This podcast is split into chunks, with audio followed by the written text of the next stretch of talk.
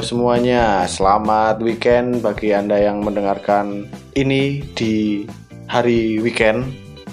Terima kasih sudah menyempatkan waktunya untuk mendengarkan. Hari ini saya Chandra akan berbagi sebuah cerita yang terinspirasi dari kisah nyata. Uh, ya udah, ayo kita ke TKP. Yuk.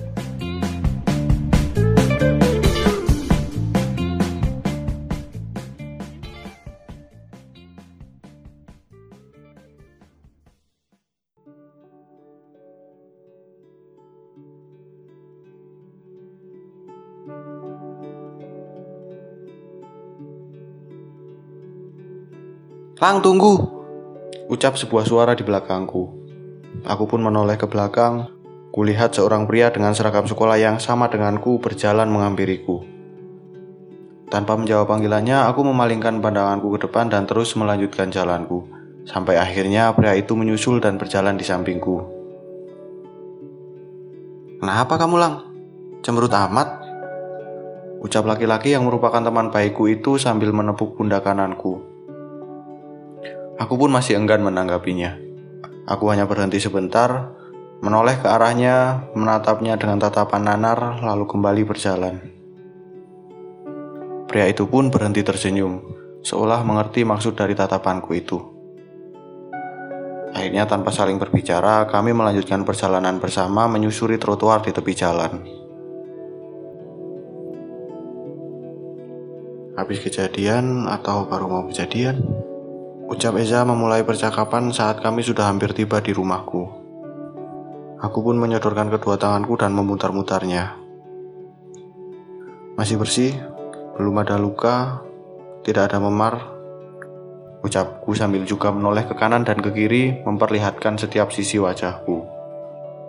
Sahabatku itu pun mengangguk paham. Judi lagi? Tanyanya kemudian. Lagi-lagi aku tidak menjawab. Aku hanya menunduk lesu di sepanjang sisa perjalanan, hingga akhirnya tibalah kami di tempat yang saat ini sangat tidak ingin kudatangi. Sebuah suara benda pecah terdengar saat aku baru menginjakan satu kaki di halaman rumah itu. Tak lama kemudian, terdengar suara cekcok dari dalam rumah. Berbagai umpatan terdengar saling bersahutan dengan nada tinggi. Seketika itu tanganku gemetar dan jantungku berdetak kencang. Mau nginep di rumahku nggak? Ucap Iza membuyarkan ketakutanku. Aku pun menoleh. Tanpa pikir panjang, ku terima tawaran itu. Kuurungkan niatku untuk pulang ke rumah lalu kubuntuti sahabatku itu ke rumahnya. Sekitar 10 menit kemudian aku tiba di rumah Iza. Sesampainya di rumah sahabatku itu, aku langsung menyalami ayahnya yang saat itu sedang duduk di depan rumah pria berusia sekitar 50 tahun dengan banyak kerutan di wajahnya. Beliau menyambut kedatangan kami dengan senyum yang terlihat sangat ramah, keramahan yang tidak pernah kudapatkan di rumahku sendiri.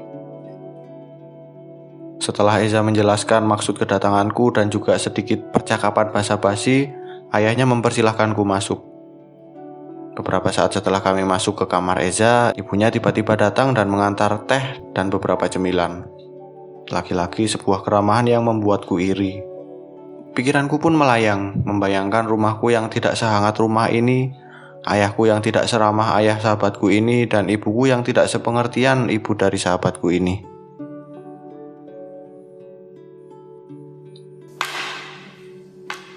Ini benda apa?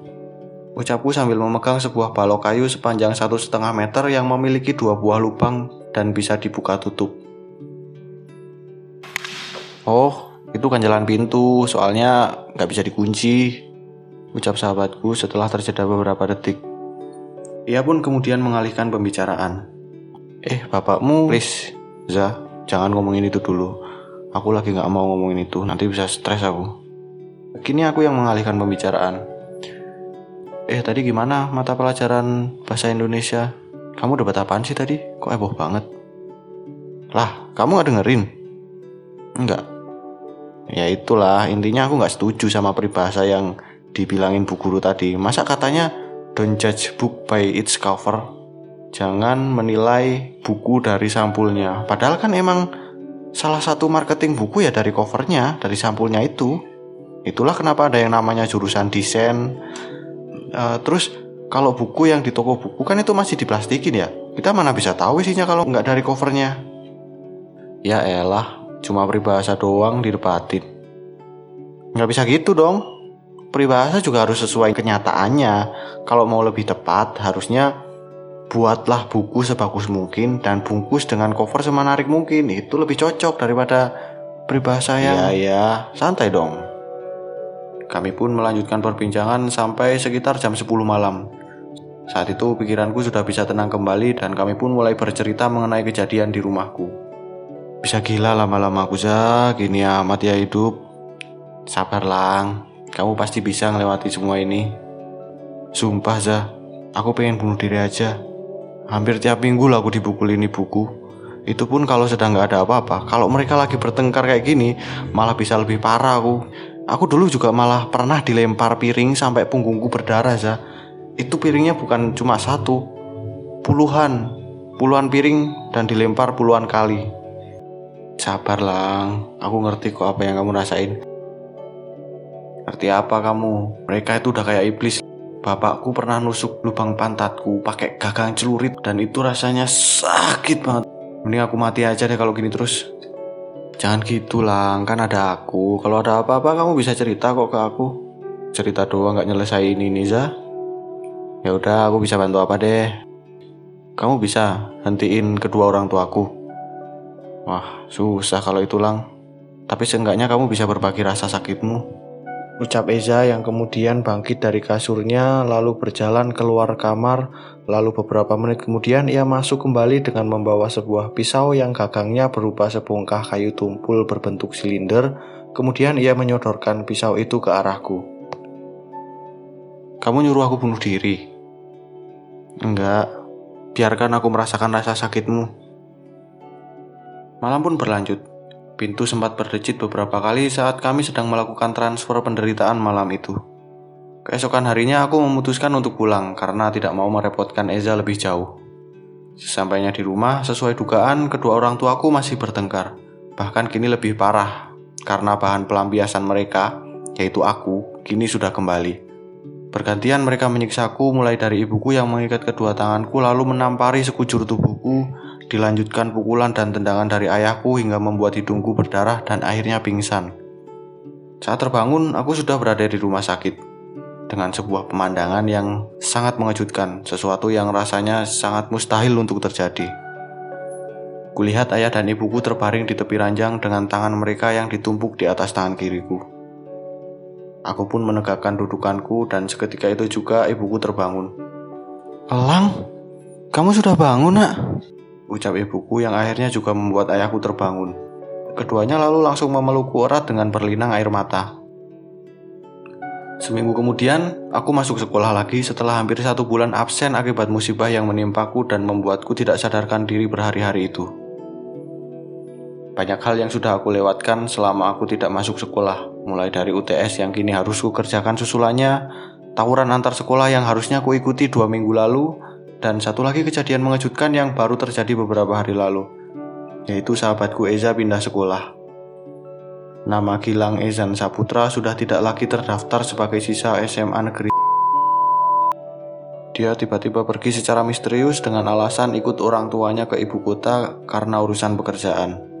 Setidaknya itulah keterangan yang diberikan oleh guru dan teman-teman sekolahku yang lain. Tapi itu sangat berbeda dengan penjelasan dari orang-orang di sekitar rumahnya yang mengatakan bahwa Eza pindah karena orang tuanya bercerai. Tapi bukan hanya itu berita yang kudapatkan. Dari obrolanku dengan orang-orang di sekitar rumah Eza, mereka mengatakan bahwa ternyata selama ini orang tua Eza sering memasung dan menyiksa Eza tanpa alasan. Percekcokan dan pertengkaran yang diiringi suara tangis sering terdengar dari dalam rumah Eza. Kemudian beberapa hari yang lalu, Eza ketahuan membawa anak sekitar, baik itu laki-laki maupun perempuan, untuk diperkosa di dalam rumahnya. Beberapa anak mengatakan bahwa Eza mengiming-imingi mereka dengan sejumlah uang. Ada yang bilang bahwa Eza menggosok-gosokkan kemaluannya di selangkangan mereka. Ada juga yang bilang Eza memasukkan benda tumpul ke anus mereka. Bahkan ada yang lebih aneh. ada seorang anak yang mengatakan bahwa Eza membungkus seluruh tubuhnya dengan kain lalu menggerayangi tubuh yang terbungkus itu. Itu semua Eza lakukan saat kedua orang tuanya tidak di rumah. Lalu saat ketahuan, tentu saja amarah kedua orang tuanya meledak dan membuat mereka semakin menjadi-jadi dalam menyiksa Eza. Hingga terjadi sebuah insiden di mana ayah Eza menusuk paha kanan Eza dengan pisau. Kini ayah Eza masuk penjara dan Eza dibawa oleh ibunya pergi entah ke mana.